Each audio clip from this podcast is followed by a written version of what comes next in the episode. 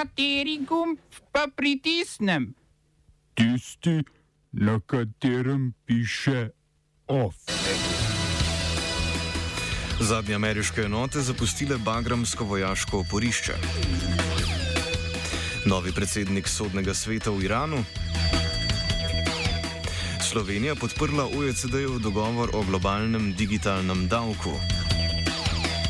V kulturnih novicah pa v začetku festivala ulične umetnosti in grafitarstva Ljubljana Street Art Festival.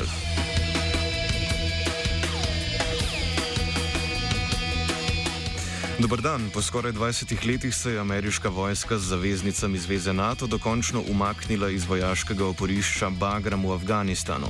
Umik iz ene izmed največjih NATO-vih baz v Afganistanu je del popolnega ameriškega izstopa z afganistanskega območja, ki ga je ameriški predsednik Joe Biden napovedal za 11. september letos ob 20. obletnici terorističnih napadov na New Yorkska dvojčka.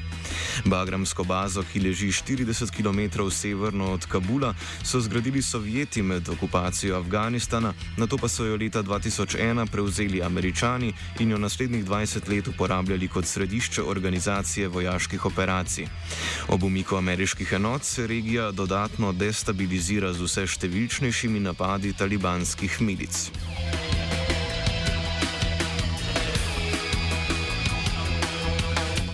Ukrajinski parlament je sprejel zakon o avtohtonih ljudstvih v Ukrajini, ki ga je predlagal predsednik Volodimir Zelenski.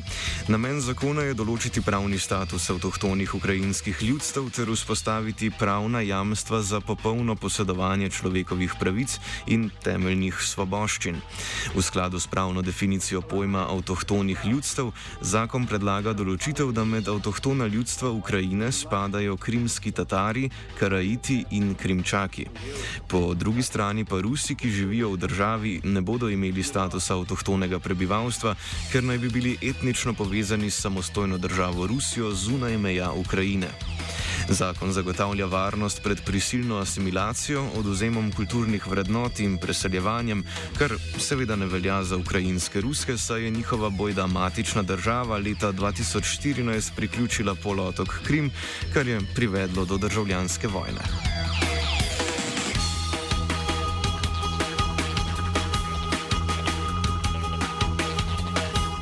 Ajatola Kamenej, vrhovni voditelj Irana, je za novega predsednika sodnega sveta imenoval klerika Golam Hoseinija Edžehija in s tem nadomestil izvoljenega predsednika države Ebrahima Raisija.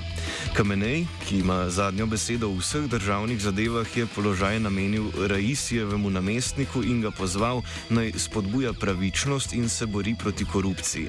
Novo izbrani 64-letni predsednik sodnega sveta je bil pred desetletjem uvrščen na sankcijske sezname ZDA in Evropske unije zaradi obtožb o hudih kršitvah človekovih pravic pri zatiranju protestov leta 2009, ko je med takratnimi spornimi volitvami služboval kot obveščevalni minister. Tudi Raisija so ZDA kaznovale zaradi njegovega mandata v sodstvu in upletenosti v množično usmrtitev političnih zapornikov. Po desetih mesecih so grške oblasti aretirale Hristosa Papasa, namestnika vodje skrajno desničarske politične stranke Zlata Zora in bivšega člana grškega parlamenta. Oktobrska sodba je vrhunec pet let trajajočega sodnega postopka, v katerem je sodelovalo več kot 50 obdolžencev, obsojenih za kazniva dejanja, od nezakonitega posedovanja orožja do umorov in napadov. Papas, ki je bil obsojen na več kot 13 let zapora, je znani oboževalec italijanskega diktatorja Benita Mussolinija, fotografiran pa je bil tudi pod nacistično zastavo.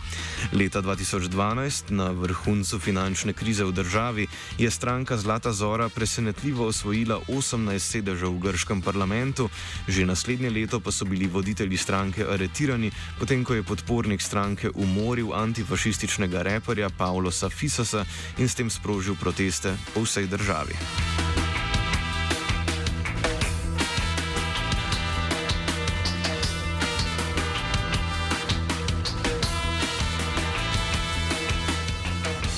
Denis Zvizdič je odstopil kot podpredsednik stranke Demokratske akcije, krajše SDA, in po 30 letih aktivnega članstva zapustil stranko.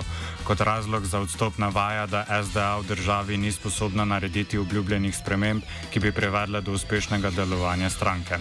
Nestrinjanje med Zvizdičem in predsednikom stranke Bakirjem Izetbegovičem je doseglo vrhunec po lokalnih volitvah v Bosni in Hercegovini leta 2020, ko je SDA izgubila glasove v več občin občinah. Zvizdič je samo še eden v nizu dolgoletnih članov, ki so stranko zapustili zaradi njene neučinkovitosti. Vprašanje je, ali se bo pridružil drugim odpadnikom v sveže pečeni stranki Narod in pravica ali nas čaka še ena razsvetljena stranka. Oba, če, če bom odgovoril na angliški. Slovenija bo poskušala pomagati. Slovenija bo naredila naš utmost, da bo rekla, da je situacija naš problem, naš sebe. In bomo naredili nadaljnje korake, as soon as the conditions are. Bomo vlado Marjana Cererera Šarca podprli. Very, very serious. From Slovenija. We know how and we will. Organizacija za gospodarsko sodelovanje in razvoj, krajše OECD, je na svoji spletni strani potrdila, da je Slovenija zadnja v vrsti držav, ki so podprle njen predlog novega globalnega digitalnega davka. Dogovor naj bi zagotavljal vsaj 15-odstotno obdavčitev mednarodnih podjetij, kot so Google, Apple, Amazon in Facebook. Prav tako bodo ta podjetja ponovno morala večji del davkov plačevati v državah, kjer delujejo, in ne v državah, kjer so registrirana. OECD s tem želi preprečiti davčno utajo prek davčnih oaz. Mačarska in Irska, državi z nizkimi davki na dobiček podjetij, sta si sicer odrekli, oziroma sta sicer odrekli podporo dogovoru, vendar ga podpira 130 držav, vključno s članicami skupine G7, ki so dogovor označile kot nov korak k razvoju mednarodnega davčnega sistema.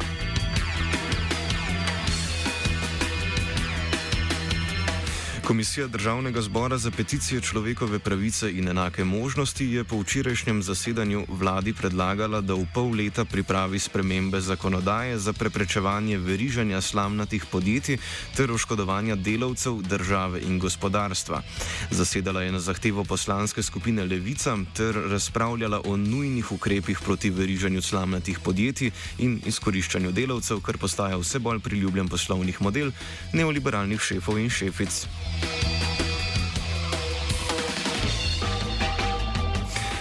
Ministr kriptivnih in ciničnih izjav Aleš Hojs se je na bruselskem briefingu za novinarje ob začetku slovenskega predsedovanja svetu Evropske unije ponovno poskusil pohicati. Kot veste, mu ni uspelo. Povedal je, da bi lahko za svinjo označil višjega predstavnika v evropski birokraciji. V primeru, da bi to izjavil pred slovenskimi novinarji, bi morda celo privabil ogorčen smeh, a na ministrovo žalost je med bruselskimi novinarji, ki so nevešči visokega slovenskega političnega diskurza, povzročil le zmedo. Kasneje je minister Hojs, kot mu je to v navadi, vse zanikal. Of je pripravila vajenka Selma, mentoriral je Vito, sledijo pa kulturne novice.